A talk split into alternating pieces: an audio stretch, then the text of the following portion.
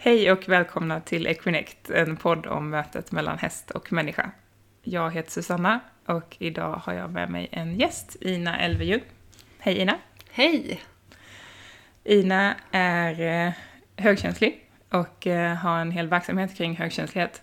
Och eh, jag tänkte idag att vi bland annat ska få höra lite om Inas möten med hästar utifrån sin högkänslighet och kanske få lite tips och ingångsvinklar kring hur vi kan använda vår känslighet och våra känslor i mötet med hästar. Mm. Vill du börja med att ge oss någon slags så här tillbakablick i hur ditt hästliv har varit eh, och är? Ja, det gör jag gärna. Ehm, med början idag så just nu så har jag en häst på foder eh, som jag har som min nu. Och eh, det är jättemysigt hur vi håller på att utforska mycket tillsammans. Och det tänkte jag återkomma till här mm. snart. Men eh, innan dess så kan jag säga att de senaste kanske tio åren så har jag inte haft någon egen häst eller hållit på så aktivt. Mycket mest där utan jag höll på mycket med min verksamhet då, Högkänslighet Sverige. Just det, och där är ni också en podd som ja. man också kan lyssna på, Högkänslighetspodden. Med Malin och Ina. Mm. Ja. som är väldigt mysig. Och ja. som också får många verktyg i, tycker jag. Mm. Mm. Okej, okay, förlåt. Vad roligt. Ja. ja, det är jättekul. Eh, ja, men jag kan ju bara nämna det vårt, att, ja, vårt företag Högkänsligt Sverige, vi har kurser och retreat och utbildningar för högkänsliga. Utbildar högkänsliga terapeuter och eh, skapar eh, utbildningar i att leva livet som högkänslig. Mm. hur man kan göra det och hur man kan använda det som en gåva. Mm. Istället för någonting jobbigt som vi ofta får höra. Att högkänslighet är någonting eh, jobbigt och någonting som man lider av. står ju också i en del tidningar och så. Mm. Vi håller inte med om det, att man lider av högkänslighet. Utan att det är en gåva och någonting som vi kan använda till vår fördel mm. i vårt liv och mm. i vårt hästliv. Verkligen, jag tänker det blir så, så viktig ingångsvinkel med, med mm. man kan använda känsligheten med, med hästarna. Mm. mm. Eh, så om man ska titta på mitt hästliv då så känner jag att jag har haft nytta av att jag varit högkänslig. För jag började hålla på med hästar när jag var tio. Mm. Jag började tjata på mina föräldrar om att jag skulle få rida. eh, och lyckan var total när jag väl fick börja rida då. Mm, eftersom jag har haft det ganska svårt i människovärlden när jag var barn, alltså introvert, högkänslig, eh, kände in och kände av allt och trodde att allting handlade om mig också, allt dåligt då. Mm. Att allt var mitt fel eller att människor inte tyckte om mig och att jag var konstig och annorlunda och kände mig väldigt ensam. Så då blev liksom hästarna en, en fristad. Jag kände att jag kunde kommunicera. De dömde aldrig mig, inte sig själva heller. Utan de bara var. Liksom. Mm. Och det var underbart för att jag kände liksom att jag fick kontakt. Jag kände att jag hittade någonting också som jag kände att jag var bra på. För jag hade lätt att känna av hur de mådde. Jag drogs ofta till de här som människorna kallade problemhästar. som hade blivit illa behandlade ofta mm. av människor. Och därför hade, ja. Hade det svårt. De hade det jobbigt ja, mm. med människor därför. Och jag hade, kände att jag förstod dem. Så Ja, och jag, jag fick ofta höra då också att jag var duktig på att ta hand om hästar. Fick också förtroende och ansvar för att rida hästar och ta hand om dem. Vilket gjorde att jag växte väldigt mycket. Så för mig var det nog väldigt viktigt som barn eftersom jag kände mm. att allt annat var svårt i princip. Mm. Att jag kände att jag hade någonting som funkade bra. Liksom. Mm, vad fint. Mm. Jag bara, när, när jag lyssnar på dig så, så får jag så kontakt med flickan i mig eh, som, som hade lite samma upplevelse. Framförallt det där att det fanns det fanns någon slags trygg hamn att komma till i hästarna, i att det fanns ett, ett hållande där. Och just att, att inte behöva leva upp till något eller inte behöva eh, ja, vara på ett visst sätt eller så. Det behövde man ju sen i vissa ridskolesammanhang, men just i det här mötet själv med hästen så var det liksom eh, så var det okej okay att det var som det var. Och det var ju liksom väldigt ovanligt under, mm. under en period när man var barn och tonåring och allting liksom handlade om att passa in i mm. övrigt. Mm, verkligen. Och jag är tacksam för att jag red på en, en liten ridskola då, en nyöppnad. Och jag är idag väldigt tacksam över att den var just liten faktiskt. Mm. Så att det inte var så himla mycket folk. Mm, jag förstår det. Utan att det blev mer fokus på hästarna där ja. också. Och att jag, jag älskade att vara själv med dem. Ja, ja vad härligt. Så man kan säga att jag kände liksom att det, det lättaste var ju att vara med hästarna och det svåra var ju att vara med människorna i hästvärlden. Ja. Eftersom det, min erfarenhet är att det finns väldigt mycket värderingar i hästvärlden och dömanden och väldigt mycket tyckanden. Mm. Att så här ska man ju göra för det är ju det bästa. Och så tycker någon någon annan och så har någon, det finns må- väldigt många infallsvinklar på vad som är det bästa för hästen. Mm, mm. Och så tycker alla att de har rätt. Jo. Och det är väl det som egentligen är problemet, eller vad man ska säga. För att, att det finns mycket tankar och åsikter är, gör ju egentligen ingenting. Alltså det kan ju vara ett utforskande om man gör det med nyfikenhet. Kan det vara så här? Kan Mm. det vara så här? Eh, man Mm. undersöker. Men att komma utifrån att jag vet vad som är bäst. Mm. Där, det är Mm. inte så god vibe tycker jag. Nej. Det är roligt att du tar upp just det, för att jag pratade med en häst idag eh, som gav sin människa i uppgift att, att ha minst då en, ett helt möte där man inte får tänka, inte får fundera på ifall, man det, gör, ifall det man gör är rätt eller inte. Utan att bara, så här, bara anta att oavsett vad du gör så är det rätt. Liksom. Så inte, inte vara i den frågan hela tiden som jag tror att annars många av oss är. Så här, blev det här rätt nu? Eller gjorde jag fel nu? Eller så där. Att, att pausa den frågan och bara, oavsett vad jag gör, oavsett hur det blir så är det rätt. Mm. Och ha det som så här intention under ett Mm. helt möte. Mm. Så det är en spännande grej att, att utforska. Svårt Mm. om man är liksom lite i den traditionella hästvärlden. Ehm, mm. Mm. Och sen eh, efter, efter dina möten med hästar som, som barn, hur har det sett ut för dig och, och hästar då? Eh, ja, det har varit många olika möten. Jag har jobbat med hästar också. Eh, och så. Och det har varit... Ja, det är också... Jag, det har jag gjort för hästarnas skull verkligen. Jag har inte träffat så mycket människor där faktiskt. För att det är mest att man är på gården och jobbar. Vad jobbade Mm. du med då? Jag jobbade med... Eh, jag jobbade i ett stall i England med fälttävlanshästar. Just det. Och så jobbade jag faktiskt här nere i Skåne, min första vända, mm -hmm. Staffanstorp, med hopphästar. Så jag red mycket och sådär. Mm.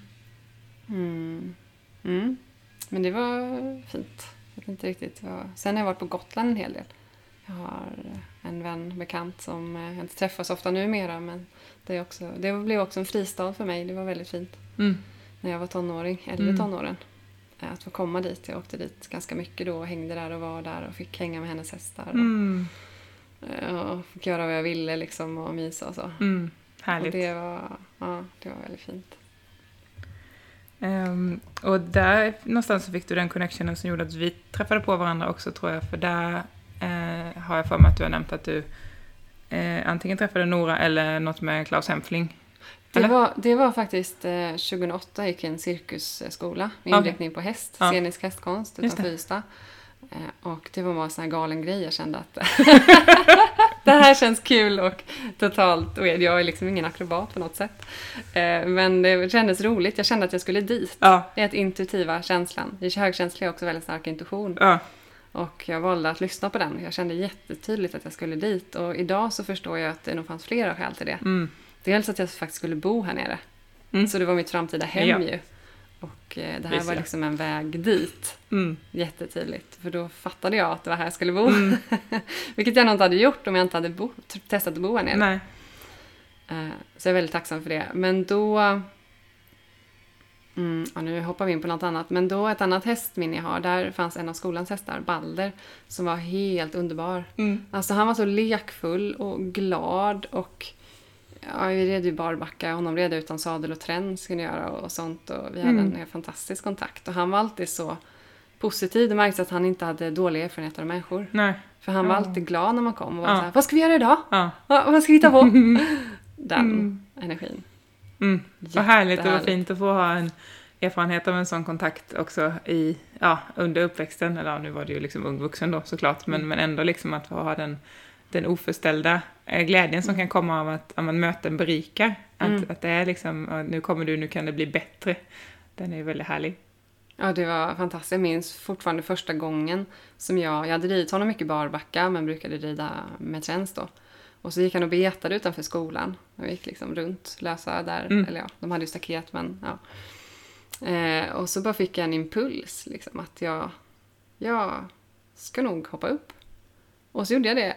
Och så red vi iväg. Och det var bara liksom in the moment, Mm. verkligen han och jag. Det bara, det bara blev. Mm. Det var så himla fint. Jag hade liksom ingen plan Nej. eller så. Och han hade nog inte heller det. Utan det, bara, Mm. det var liksom första gången och det var så häftigt. Mm. Jättefint. Mm. Mm. Vad var det jag höll på att säga innan dess? Jo, hur jag kom i kontakt med... Jo, och under den, det året på skolan så tog de in externa lärare ibland. Okej. Och så sa min lärare att eh, nu kan ni få välja liksom vem ni vill, vilken tränare eller så som ni vill gå någon klinik för. Mhm. Och då vill jag väldigt gärna gå för Hemfling. Mhm. Mm. Och han var ju här i Sverige en del och höll Okej. clinics. Mm. Och då åkte vi till Gotland och där var några med som Mm. assistent. Just det. Så då träffade jag några och så fick vi någon kontakt där, jag och Mm. några. Mm. Och jag kände liksom, och så hade- vi väldigt sporadiskt lite kontakt där några år. Sen såg jag att hon höll egna clinics Mm. eh, och utbildningar. Då kände jag, Mm. ja, det här Mm. vill jag göra. Ja. Och där träffades vi. Ja! Då var vi med i en sån eh, sensitive grupp där vi var samma grupp människor. Vi var väl åtta, åtta tio personer som träffades eh, fyra gånger under ett år på olika platser. Ehm, mm, det var väldigt härligt. Eh, mycket body awareness och mycket ja, inkännande. Um, Golden, eh, Golden var med några gånger. Eh, och, eh, första gången Golden jag åkte någonstans. Eh, första kliniken där vi var i, i Småland. Ehm, och han fick applåder. Eh, och olika människor var, fick göra olika banor med honom. Han var jätte, jättenöjd. Han var ju ganska mycket mer osäker då på den tiden. Så det var väldigt stort för honom att få vara, vara iväg och få liksom massa människor som bara hyllade honom och tyckte att det han gjorde var fantastiskt. Det var Mm. väldigt fint. Han är så himla fin. Han Ja. har sån utstrålning verkligen. Mm. Ja, Så vacker häst. ja, Från insidan ut liksom. det är han. Jag håller med. Mm. Mm. Ehm, har du något mer du vill berätta om hästbakgrunden eller ska vi hoppa in i vad högkänslighet är? Eh, vi kan hoppa in i högkänsligheten så kommer det nog mer Mm. hästen. Det är bara att fylla på med Ja. hästmötet. Eh, så för de som inte vet vad högkänslighet är, vill du ge oss en liten... Lektion. Eh, ja, högkänslighet är ett personlighetsdrag. Mm. Så det är ingen diagnos. Man kan liksom, det finns ingen som kan sätta någon diagnos att man är högkänslig. Det är många som frågar om det. Men det kan man inte. Utan det är ett personlighetsdrag som ungefär 15-20% av världens befolkning har. Både kvinnor och män. Och det innebär att man har ett känsligare nervsystem. Så man tar emot mer signaler än andra. Eh, och lite kortfattat så kan man säga att vi är kan dels vara känsligare för eh, ljud, ljus, eh, men också energi, Mm. smak. Alltså allt, all information som man får från sin omgivning som stimulerar nervsystemet egentligen, är man Mm. mer känslig för, helt enkelt. Och det brukar uttrycka sig så att man ofta har lätt att känna av stämningar i ett rum. Man har lätt att känna av hästar, djur, människor. Och väldigt lätt också att plocka på sig andra människors Mm. och djurs tror jag, problem Mm. och ska försöka lösa dem. Eftersom vi ofta är väldigt bra problemlösare. Mm. och det är intressant. Mm. Men, eh, men det är det som väldigt lätt händer och att man eh, har väldigt lätt att ta allting som man känner av väldigt personligt. Så att om, någon, om du skulle sitta här och vara irriterad till exempel eh, så skulle det vara väldigt lätt för mig att tänka att det är nog jag som har gjort något fel här. Du är nog arg på mig. Mm. Istället för att se det bara som att ja, det finns en irritation här. Mm. Intressant. Ja. Och där är ju inne på någonting eh, som, som jag tycker ni gör så vackert och som jag har lärt mig så mycket av, att, att just eh, hur, hur vi Ja, men eh, hur vi formulerar oss kring, kring det som är i rummet, precis som den, den lilla omformuleringen som du precis gjorde. För jag tror att de flesta som lyssnar, mig inkluderad, skulle känna igen sig så här, åh herregud, vad har jag gjort? varför, varför är personen irriterad på mig? Eh, att, att istället för att tänka liksom irritationen är riktad mot mig, så irritationen finns i rummet. Alltså det finns en irritation i rummet. Den är så här, ah, just det. För att, att inte bara automatiskt så här klistra fast den vid mig, eller vad jag har gjort, eller vår historik, eller vad det nu kan vara. Eh, stort skifte. Verkligen, och det gör en sån enorm skillnad. Tänker jag i känslohantering som vi håller på med väldigt mycket också eh, i vår verksamhet. är Just det här att skilja på, vi ser ju inte som att vi är våra känslor heller. Nej. Utan att känslor är någonting som vi upplever, som vi känner av. Mm. Och vi kan känna dem i oss och jag kan känna av dem i dig och jag kan Mm. känna av dem i hästarna också. Mm. Alltså vad människor eller djur känner. Men det är inte knutet till, till mig egentligen utan det är energi som rör sig. Mm. Och som rör sig runt och man kan ju bli, man brukar ju säga att man smittas av känslor också. Mm. Både leenden, det smittar ju också, eller Mm. glada människor men också arga eller ledsna människor. Som att det smittar. Och det gör det ju väldigt mycket. För att vi känner in och känner av. Verkligen. Och det kan vara fint att se då liksom att det inte... Eh, det är inget fel för det första. Alla känslor är okej. Mm. Eh, men det är heller inte personligt. Utan det är vad det är. Och där kan man ju titta djupare på det. Okej, vad handlar det om? Vad är det jag är medveten om här? Liksom? Mm. Och det, jag tänker om- om vi, om vi tar det som ett exempel, men vi kan ju ta eh, att man kommer till sin häst och hästen har en viss eh, vibe eller det finns, det finns någonting eh, där som man snappar upp. Och så rent automatiskt så kanske man då tar till sig det som att, ja men oj, jag är en dålig människa för min häst, jag räcker inte till och så vidare. Vad skulle man kunna guida den människan för att hitta för några andra perspektiv i en sån situation istället för det är fel på mig? Först och främst se att de tankarna kommer, tänker jag. Mm, Och att det bara är tankar. just det. Att det inte är sant, Mm. bara för att jag tänker det. För eftersom det, det är så lätt att vi går till det också, att vi tror på tankarna. Mm. Om jag tänker det här, då är det ju sant. Ja, jag brukar säga Så- att vårt största problem som människor är att vi tror på våra tankar. Ja. Alltså det är så konstigt, så, här, för så fort vi tänker det så bara, okej men det måste ju vara så. Så bara, nej, det var en tanke. Det var en tolkning. Liksom. Mm. Det kan, det väldigt finnas många andra. hundra till. Mm. Precis. Mm. Så det är liksom det första, att se att den tanken kommer, att det är en tanke, att det inte är sant. Och börja ifrågasätta den. Stämmer det här? Liksom? Är det verkligen sant? Eller skulle det kunna vara på något annat sätt Mm. också? Och i förhållande till hästarna så... Om jag har ett exempel där jag... eh, min häst då som jag har... Mm, jag skulle gå ut till honom i hagen en gång för någon månad sedan. Och så stod jag och pratade lite med honom först och sen så när jag sa att vi skulle ta en promenad, eller jag föreslog det, så gick han iväg från mig. Mm. Och hade det varit jag som barn, då hade jag ju tänkt att han tycker inte om mig. Han vill inte vara med mig längre. Eh, och hade jag varit lite äldre, för kanske tio år sedan, så hade jag, tänkt, hade jag fattat att nej, det där stämmer inte. Liksom. Det handlar inte om att han inte vill vara med mig. Men han kanske i alla fall inte vill följa med mig. Mm. Han vill nog inte ut på promenad nu. Liksom. Mm. Så de där tankarna kom igen då. Först och så bara, nej, nej, stämmer inte. Kändes tungt när jag tänkte dem. Det är något, ett verktyg som jag också använder mycket. Liksom. Känns det tungt så är det inte sant. Känns det lätt så är det någonting som stämmer i det. Så jag kände på det istället. Så, nej, det verkar inte så. Så gick han iväg. Och sen fick jag liksom en känsla. Och det här är ju... Jag vet inte riktigt. Jag håller på att utforska det här med att prata med djur och så. Men Mm.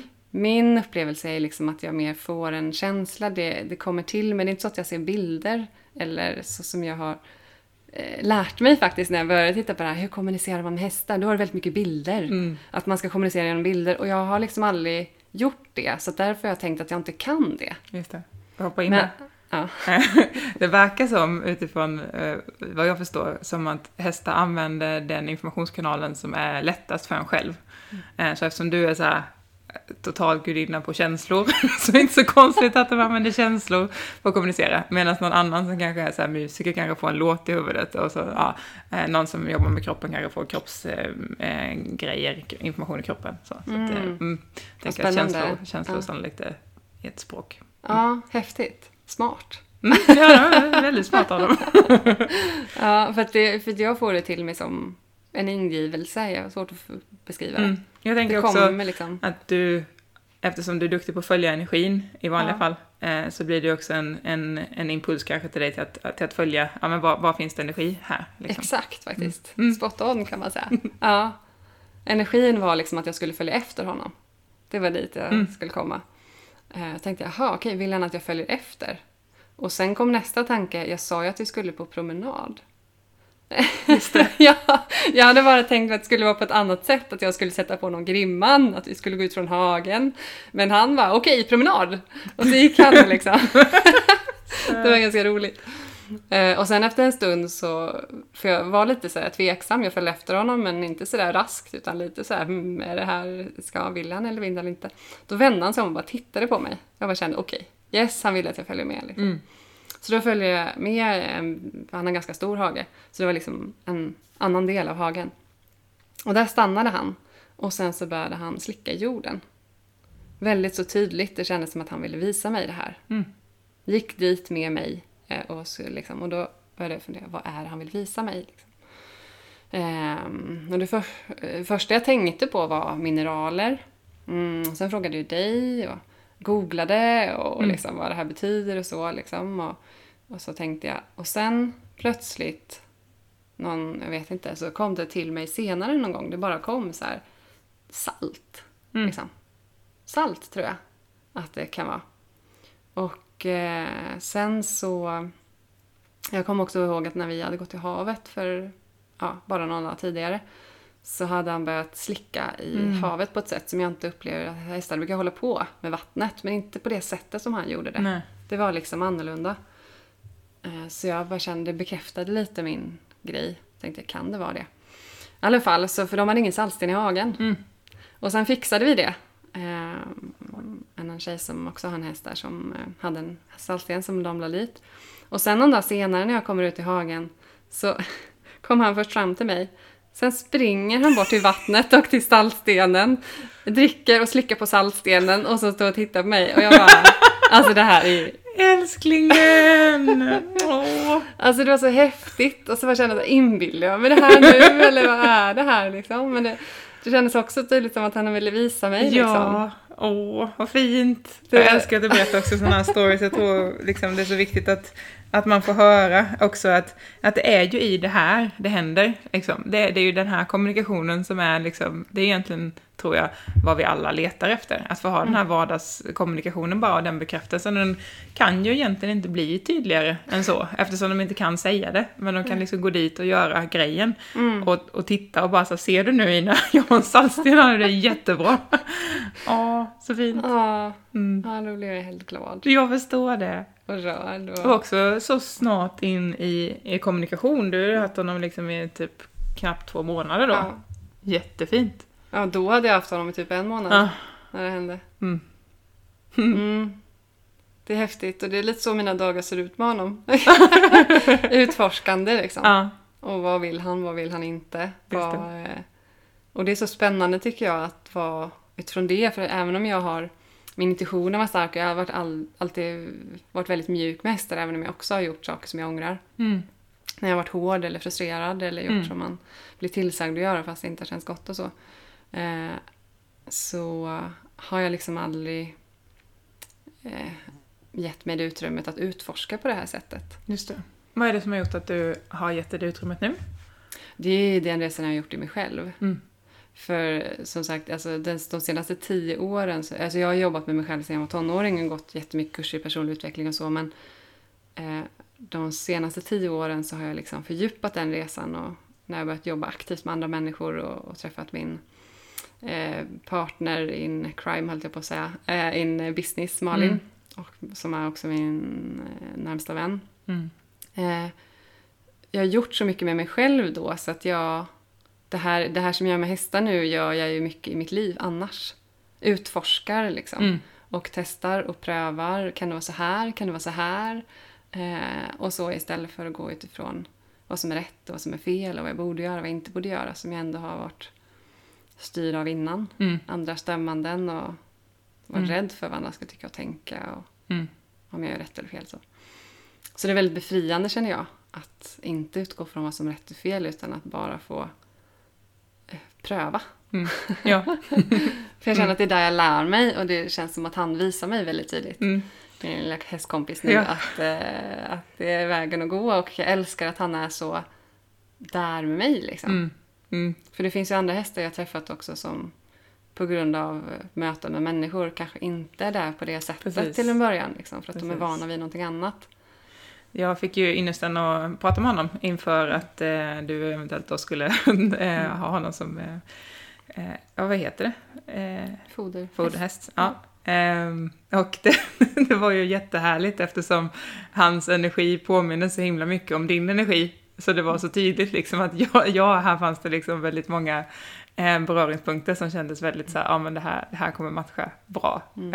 Eh, och så är han så här, ja men meditativa vibe eller liksom att, att eh, och hans spacehållande eh, så, eh, Mm. som, som också du har. Så att eh, ja, det är roligt att det, ja, det är så fint. Ja, det är jättefint. Och eh, en bidragen till det, stor bi- bidragande del till det här är också att jag blir inspirerad av dig Mm. och vad du gör.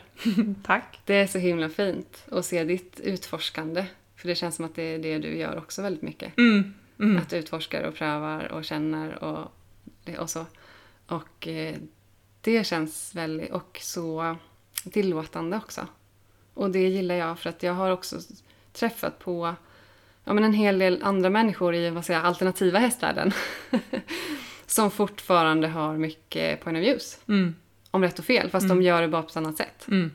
Och så gör de det väldigt rätt och har mycket värderingar. Och då känns det som att ja, men det är fortfarande samma grej med Mm. dömandena liksom. Mm. Mm. Och det tycker jag känns väldigt härligt, det du gör här. Mm. Utforskar. Så det har jag också blivit väldigt inspirerad Mm. av. Tack.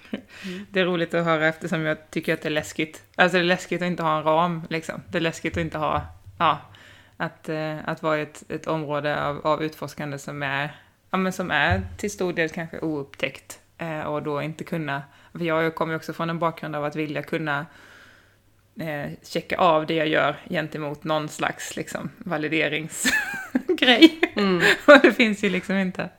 Eh, sen, sen finns det ju så, så tillvida att jag får jättefina meddelanden av, av människor som berörs av, av texter och, och sådär. Och, och det är ju Mm. fantastiskt. Eh, men, men just i det stora hela, jag minns när jag gick från att jobba med, mot eh, tävlingsryttare mm, och mental träning för dem eh, till, till att vilja ge mig in på det här spåret och hur läskigt det var.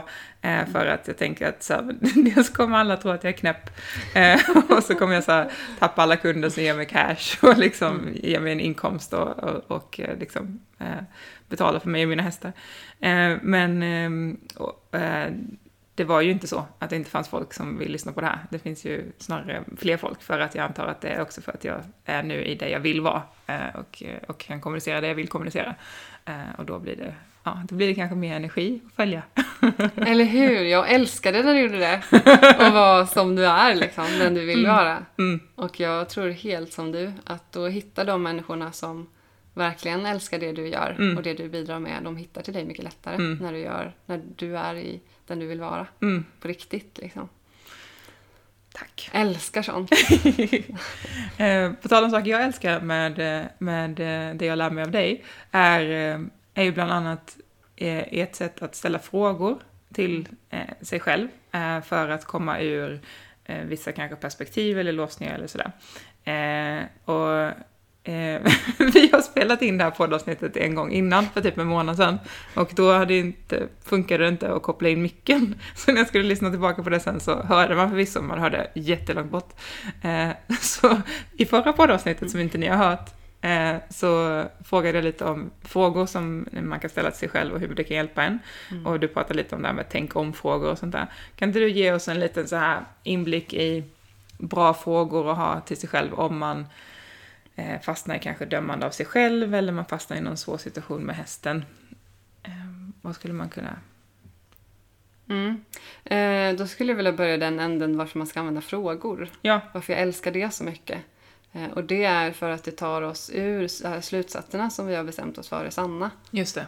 Att vi är dåliga, att vi är fel, att det inte går. Eh, Det är som att de här tankarna leder oss till omöjligheter liksom, och vi fastnar bara där. Men när ställer man frågor eh, som vad mer möjligt till exempel. Vilka andra alternativ finns det här? Mm. Vad kan jag välja som är totalt annorlunda mot det jag brukar välja eller brukar tänka? Då får det, det tar oss liksom ut ur boxen Mm. och eh, vrider på perspektiven. Och det älskar jag med frågor, att vi får nya perspektiv. Ja. Och börjar faktiskt tänka nya banor också. Som att vi får mer information och mer medvetenhet om vad det handlar om egentligen. Vilket i och för sig också är en fråga. Vad handlar det här om egentligen? Mm. Om det inte är det jag tror att det är, eller har, tänker att det är, vad är det då? Mm.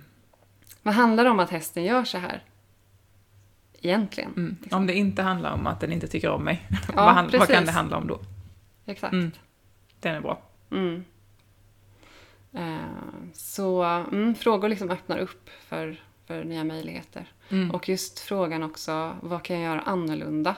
Älskar jag. För Mm. att ta oss ur våra vanliga mönster Ja. och göra på ett annat sätt. Vad händer då? Ofta händer det väldigt annorlunda saker då också. Mm. Eh, och då också, du var inne eller du sa den var i förbifarten så här, vad mer är möjligt? Mm. Men den är ju underbar. Eh, och jag vet också en gång i, eh, för ett tag sedan när vi satt och pratade om, du och jag satt och pratade om prissättning, eh, eller jag frågade dig om prissättning eh, på en viss tjänst, och så sa du så här, vad det känns härligt att ta. Den är också fantastisk. Så, och just att använda ordet, ordet härligt i ett sånt sammanhang, så, när känns det härligt för dig? Alltså bara i allmänhet. Den tänker jag också är så fin att ha i förhållande till, till hästarna. Mm. Just det. Mm. Ja, det känns härligt. Och vad längtar du efter med hästar? Mm. Alltså, det finns ju massa frågor. Men vad längtar du efter egentligen med hästarna? Vad är det för kontakt du vill ha? Vilken relation vill du ha? Hur vill du att det ska kännas när du är med hästen? Mm. Eh, men också görande. Vad tycker du är kul att göra? Vad tycker hästen är kul att göra? Vad kan ni hitta tillsammans som båda tycker är roligt? Mm. Ah, hur mycket frågor som helst. Så nu är det kanske läge att pausa podden och gå in i meditation en kvart och bara liksom så här vara i de här frågorna. Ja, Mm. Ja, man längtar efter med hästar. Jag tycker det är väldigt fina frågor. Och, ja och som man kan ställa sig om och om igen. För att det kan ju också ändras och utvecklas och, och så. Det är inte Mm. bara ett, liksom, ett svar på det och sen är det alltid så. Nej, men verkligen. Eh, och eh, också utifrån, och jag är inne på det här lite då och då, men det tål att sägas igen, också utifrån ifall jag eller någon annan eh, pratar med hästen eh, och den uttrycker en längtan efter någonting, så behöver inte det betyda att den alltid vill det, eller att det är så minuten efter jag har pratat. Det kan också ha ändrats, eh, så att man också fortsätter vara i frågan för, för hästens skull. Det vet ju vi med vår dagsform Mm. att den kan variera, och ja, deras, deras önskemål också såklart. Precis, och där tänker jag, det håller jag också på att utforska nu, för för mig är det väldigt tydligt att eh, min häst då är eh, att han är på olika humör, olika dagar. Mm. Och sen känns det också som att när jag, om jag ska hämta honom och vi ska ut och rida någon dag när han är i gräsätarmood, då har han en benägenhet att inte alls vara så sugen på att följa med mig på samma sätt. Nej. Eh, som när han inte är i just eh, ätartagen liksom. Ah. Så det tycker jag också är ganska spännande att se skillnaden. Och sen är det vissa dagar vill han springa på i superpigg och andra dagar så vill han inte alls gå så lång runda. Mm. Och fint också att han har utrymmet att få, få uttrycka det. Ja. Ja, och det, det, var, det var nog för någon vecka sedan så var han väldigt mycket så att han ville äta gräs och inte ville följa med mig. Eh, och jag brukar ju då eh, föreslå liksom, eller visa vad jag vill och sen ganska mjukt och sen se vad han responderar på det. Ofta brukar han följa med, men den här gången så gjorde han inte det. han fortsatte äta gräs. Eh, och jag var okej, jag föreslog flera gånger och han bara nej. Han fortsatte äta. Eh, och då ställde jag frågan till honom, liksom, okej, så vad, någonting sånt som att vad skulle det liksom vara värt för dig om du skulle följa med mig ut? Vad, ja, vad vore värdefullt för dig då om vi nu skulle göra det här tillsammans? Och då fick jag också den, äta gräs. Äta gräs då och då liksom. Ja. Jag bara, och då sa okej, men då får du göra det liksom. Och då följde jag med. Mm. Mm. Alltså det är så häftigt. Och han brukar äta lite i början, vissa gånger, inte alltid. Eh, och då brukar jag låta honom göra det. Och sen så brukar han inte ta initiativ till det liksom. Annars under ridturen så särskilt mycket alls. Men den här gången så gjorde han det jättetydligt. När vi hade gått ett tag eller sprungit ett tag så bara, nu ska jag äta. Så gjorde han det. Så Och jag- det var så häftigt tyckte jag. Och jag älskar det här också utifrån att om man hade tittat på det, just det du beskriver, ur ett eh, beteende eh, inlärningsperspektiv, så hade det varit så att ja, men det, det är inte så konstigt att han inte initierar att äta under ridturen, för han har sannolikt tidigare inte fått göra det, så att det är liksom inte tillgängligt för honom. Men på grund av att ni stod i den konversationen innan så öppnades den dörren för honom fast han då inte har blivit lärd någonting annat innan ni gör det. så, det är ju sjukt coolt eh, och jättehäftigt att det kan vara så. Att man liksom i, i den kontakten, i den energin kan så säga ja men idag är det tillgängligt liksom. Det är ju guld. Jag älskar det. Ja, det var, det var häftigt. Jag funderar fortfarande som alla gånger såna här grejer händer. Så bara, eh, hittar jag på det här nu eller? Det är därför det är så bra att du sitter här och berättar det, för vi behöver, vi behöver alla höra dem. För att liksom, det är så lätt att tänka annars, att jag hittar nog på, men om vi, om vi jag brukar alltid rekommendera folk att skriva ner dem, eller dela eller prata med någon så att man också så här förstärker det i minnet, för annars kommer man ju bara en tid tillbaka sen eh, tänka att ja, ja men det, eh, ja, det, där, det där var ju liksom bara en tillfällighet, och så glömmer man att det har varit så här hundra tillfälligheter bara det här året, men man missar dem liksom. Mm. För det är, ja, det är inte tillfälligheter såklart. Men, men verkligen, det är så många sådana grejer. Och så kom vi till den här då som jag känner att jag ville fråga dig om. Mhm. Eh, och det var nämligen för ett tag sedan, det här var några veckor sedan eller en månad sedan eller något. Så var jag ute och red och så stannade han vid ett ställe och det kan han göra ibland för han tittar på saker och han, alltså så, det var inget konstigt. Men när jag, antingen så går han vidare själv eller så ber jag honom att gå vidare så gör han det. Men den här gången så gjorde han inte det, utan han stannade kvar. Eh, och sen så började han vända nosen mot mitt ben flera gånger och jag Jag vill ju gärna fortsätta rida då va. Men jag kände att nej, det känns som att han inte vill. Den känslan fick jag. Han vill vända om. Och då gjorde jag det. Och då gick han glatt hemåt. Och sen när vi kom dit nästa dag så stannade han till där lite. Men det kändes som att han var, det här är väldigt subtilt på något sätt, men det kändes som att han var i frågan, ska vi vända nu? Mm. Inte att jag upplevde att han var, jag vill vända nu. Eller jag behöver det, utan det var mer som att, ska vi göra som vi gjorde förra gången? Mm. Uh, och då tänkte jag, okej okay, vad ska jag nu? Så testade jag att be honom gå vidare. Och då gjorde han det. Så han gjorde inte annan. som förra gången. Liksom, att, för då var det tydligt för mig, eller det blev tydligt, att han ville vända. Men nu var det inte det, utan nu kändes det mer som en fråga. Mm. Va? Vad säger du som är, som är expert här? Kul. det första jag tänker är att, att eh, hästar pekar ju med nosen. De kan använda sin nos för att peka. Eh, så, så just det där att se, eh, alltså om en häst gör halt och, och tittar någonstans så kan det liksom ofta vara att men jag, jag frågar, kan vi gå dit istället? Så, så det är ju jättefint att, att du lyssnar på honom där. Eh, det ska bli spännande att, se er fortsatta liksom, utveckling här eh, eftersom han, han successivt kan, kan förstå att det finns, det finns utrymme att ta här som, som kanske inte har funnits innan för honom. Eh, så, så ser vi hur många initiativ han kommer ta framöver. Jag tror det finns rätt mycket kreativitet där inne som, som kan utforskas. och sen dag två, eller omgång, eller ritur två, är ju väldigt svårt att prata om utifrån att jag inte liksom var med.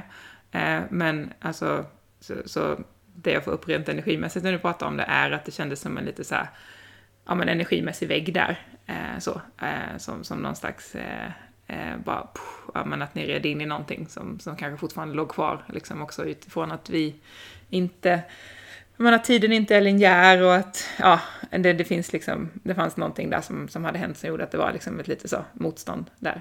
Mm. Ehm, Sen, sen utifrån ett inlärningsperspektiv så kan det absolut vara att det var en, en punkt som, som var så här, men här, här är en möjlig vändpunkt. För det finns liksom inte möjliga vändpunkter överallt på den här turen som ni rider, men här var en möjlig vändpunkt. Eh, så. Eh, så två olika perspektiv där. Men det här är intressant, apropå energi, mm. tänker jag. För att eh, det finns ju vissa vägar som jag märker, alltså det finns en liten så här, skogsväg som jag tycker är väldigt mysig att rida på. Men som han inte verkar tycka är lite lika mysig. Är det den som du filmat på någon gång som är rätt eh, tät? Eh, nej, det är faktiskt inte den. Utan mm. det här är en annan, men den är också ganska tät. Ja, det känns bara när du pratar om det som att det är jobbigt att det är tätt. Liksom. Mm. Eh, och det kan ju också vara, det kan vara att eh, det är ehm, Eh, ja, men att det är lite intrusive på engelska, alltså lite så träng, känsla. Men kan också vara själva grejen av att då går det inte att vända. Alltså det är inte så smidigt rent fysiskt att vända. Just det. Det skulle det ju verkligen kunna vara. Men jag tänker på, det finns andra ställen jag ridit som också är liknande. Där jag inte får den känslan. Mm, spännande. Ja. Så jag vet inte, jag tror ju väldigt mycket på energi också. Ja, alltså att det kan vara energimässiga, det. det du pratade om där. Ja. Också energimässiga områden där han ja. inte vill gå. För han brukar mycket gladare gå en längre väg, okay. fast som är öppnare. Ja, ja. spännande. Ja. Jättespännande. Men, ja, för det känns verkligen så här trångt liksom. ja. Mm. Hmm. Intressant. Och mm. nu när vi sitter och pratar om det, där ett utforskande när vi pratar om det, ja. så finns det en, ett så här eh, jägarställe där. Ah. Det brukar inte stå jägare där nu, nu men eh, det kan ju finnas ja. energi kvar, tänkte Definitivt. jag Det har inte ja. jag tänkt på! Spännande! Ja. För den energimässiga ja. aspekten. Nej, men eller hur. Ja, och den, det jagandet, inom citationstecken, av energin där som är så väldigt så här, psh, liksom Ja, Gud coolt. vad häftigt! Ja, Det har jag aldrig tänkt på förrän Nej. vi pratar om det nu. Nej. För att just det här att jag har liknande ställen där han inte mm. reagerar alls mm. på det sättet. Coolt. Jag tänker också då på det här med att, ehm, ja men när Emily pratar om spejare till exempel så säger hon så här, men spejare spejar genom tid och rum. Det är ju inte så att de bara liksom reagerar på något som finns i den här verkligheten precis just nu, utan de kan också se mm. vad som har hänt innan och vad som kommer hända sen. Och de kan också veta hur vädret kommer att bli sen och så vidare. Så här. Eh, Emily berättar alltid inför sommaren så här, vad det blir för typ av sommar. Så första sommaren vi var där, när det var för två år sedan då, när det var så här sjukt varmt, de bara, kommer bli varmt, kommer bli jättevarmt, kommer inte regna. Och sen förra sommaren så här, kommer regna mycket och nu bara, kommer vara blandat. Okej, okay, nu vet vi. Men eh, så jag tänker också att det finns ju säkert, eftersom han är, som jag uppfattar honom, en, en häst som är känslig för, för energi och liksom också, ja men, vi, viben. Mm. Eh, så, så inte så konstigt ifall det är liksom eh, tungt där. Mm. Mm, spännande. Gud vad häftigt. Och en annan liten grej, nu sitter jag och pratar väldigt mycket om honom här. Det får du gärna göra.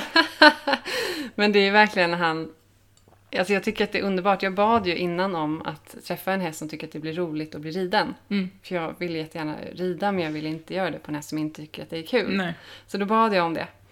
Eh, och så långt jag känner nu så tycker jag att det är roligt då. Och så eh, åtminstone oftast mm. tycker han att det är kul. Jag rider barbacka också, bettlöst och sånt.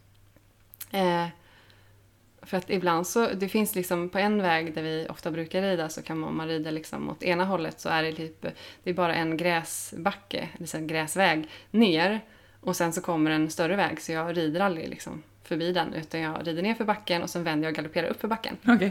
Och det verkar han tycka är väldigt roligt för dit går han liksom självmant. Inte alltid, utan när han är sugen på det. Så känns det verkligen. Då vill han gå dit för att han vet att han får vända snabbt och galoppera upp igen. Sötis. Och det tycker jag är så roligt. För det känns som att det är ingenting som jag försöker få honom till. Mm. Jag, styr, jag har styrt dit första gångerna för att mm. visa honom den. Mm. Men sen har jag inte gjort det och han har gått dit mm. självmant. Han vet att han kan gå åt andra hållet också. Mm. Och det, det känns som att han är pepp liksom. Han ja. blir så här, nu får jag springa! det där är så kul för att jag, jag, tänker att det sannolikt kommer behöva vara så i interaktionen med hästar att vi behöver visa dem vilka alternativ som finns någon gång. Så här, men här, här borta kan vi göra detta och här borta kan vi göra detta. Eh, och när vi väl har gjort det så är det ju superhäftigt om vi kan lämna över till dem och välja. Eh, jag har fortfarande någon sån här dröm som jag pratat om i den förra podden med, med Tina och mig som jag inte har kommit till att lära in än, men att ha till exempel olika former av utrustning som betyder olika saker. Eh, och att hästen liksom får gå till den utrustning mm. som den vill göra utifrån vad den vill då eh, ja, hitta på. så liksom, eh, men återigen, typ att då måste man ju först träna in det. Ja, men barbackapäden betyder skogstur till exempel. Sadeln betyder dressyrpass eller vad det nu kan vara.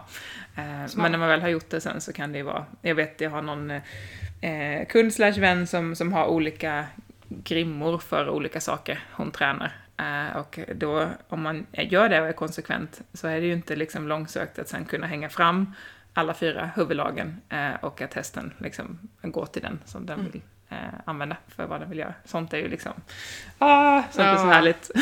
Fantastiskt, det är ju mm. supersmart. Mm. Men samma här då, ifall man har en häst som, som känner sig fri nog att välja väg i skogen och den vet att olika vägar betyder olika aktiviteter, så är det ju liksom också verkligen superfint. Mm. Men det känns som att han fattar det. Vi har ju mm. några olika runder som vi ofta brukar gå. Och det... Jag brukar ju hon, låta honom välja håll också. Mm. Vilket, vilket håll vill du gå? Det är också väldigt tydligt. Att mm. han väljer liksom Fint. riktning. Eh, och det ska jag också bara säga att det beror ju på liksom också vilken häst man har och hästens personlighet och historik. Så det är ju inte, jag tänker om man lyssnar nu och så, så testar man det, eh, så är det inte säkert att det kommer funka. Eh, I alla fall inte direkt. Eh, men då, då kan ju man ju testa och fortsätta vara i frågan. Och sen kanske det är så att man, man själv eh, får styra till sist om inte hästen tar initiativet, men att man i alla fall fortsätter att säga så här, men det, det finns ett alternativ här. Eh, och så ifall man inte tvinga hästen i något läge att göra tvärt emot så kommer den förr eller senare att, förhoppningsvis, att, eh, att ta, ta upp den tråden och säga, men vad, vad händer om jag gör så här? Det är ju, det är ju olika utifrån olika hästar, jag vet att jag brukar ta det, all, det exemplet, men när jag lärde, när jag lärde mina hästar en så signal för när de vill att jag ska sitta av, så, så Goldeneye använder den samma pass. Eh, och jag får på att hon nästan två år, eller ett och ett halvt år, mm. innan hon använde den första gången. Så det är liksom skillnad, och det är skillnad från på ras, vad, vad de har med sig, eh, hur de är tränade innan, eh, ja, eh, så. Så att, mm, det, det är det jättebra input. att det kan vara väldigt olika. Mm. Och det är inte alltid det så tydligt för mig heller. Nej. Och då testar jag någonting och så ser jag hur han reagerar på det. Mm. Mm. Det är liksom, det här prövandet är ju det vi kan göra. Ja, Och ja, jag men är i frågan jättemycket och känner mig också förvirrad Ja. väldigt ofta. Ja. Och hur är det här nu? Vill han verkligen det här? Det är jag som vill det. var- Men jag känner att just, just det att vara i frågan, det handlar inte om att inte göra någonting. Mm. Utan det handlar ju om att testa. Mm. Jag prövar. Om Mm. jag gör så här, vad gör han då? Mm. Om jag gör så här, vad gör han då? Mm. Eh, Och den, ja, den öppenheten liksom. mm, som också är härlig eftersom den vilar på en tillit till att relationen finns. Alltså så att, att eh, relationen finns och därför kan det få, eh, få vara så att jag fattar fel ibland. Mm. Eh, som, eh, var det inte du och Malin som hade poddavsnitt rätt nyss som, som handlade om någonting så här, ja, men om man blir missförstådd och sådär. Mm. Liksom just att, att det, så länge man fortsätter fråga, fortsätter vara nyfiken och fortsätter så här, men vad handlar det här, ja, som vi har pratat om idag också, så här, om, om det inte är att jag försökte skada dig med flit. Mm. om det inte är att jag försökte köra över dig med flit. Nu menar jag absolut inte att man ska skada en häst, men det tror jag ni förstår. Mm. eh, liksom vad, vad kan jag ha haft för intention då och vad kan vi göra istället då? Så. Mm. Det är ju verkligen kommunikation. Mm. Och kommunikation kan ju vara knepigt nog mellan människor. Verkligen, verkligen. Eh, och det kan också vara knepigt med hästar. Mm. Så det är okej. Mm. Just don't give up, jag säga. Om Ja. du tycker att det är svårt. Ja. Så fortsätt gärna utforska. Mm. Och testa och pröva. För det är så vi lär oss. Det är så jag lär mig nu. Genom att pröva och se. Mm. Eh, jag tänker att det är det sättet som barn också lär sig. Mm. De testar och lär sig gå och lär sig prata och de prövar och prövar och prövar och prövar tills det funkar. Kommunikationen funkar. Mamma förstod mig. Liksom. Mm. Ja. Bra, yay! Ja, då kör vi på den här Ja. kommunikationsstilen. Mm. Ja. Ja, fint. Ja, jag tänker att vi kanske avrundar där eh, för dagen. Mm. Superhärligt att ha dig här. Jättefint att få vara här. Ja, så tänker jag att vi sannolikt bjuder in dig igen framöver. Tack så mycket! Tack, hej hej!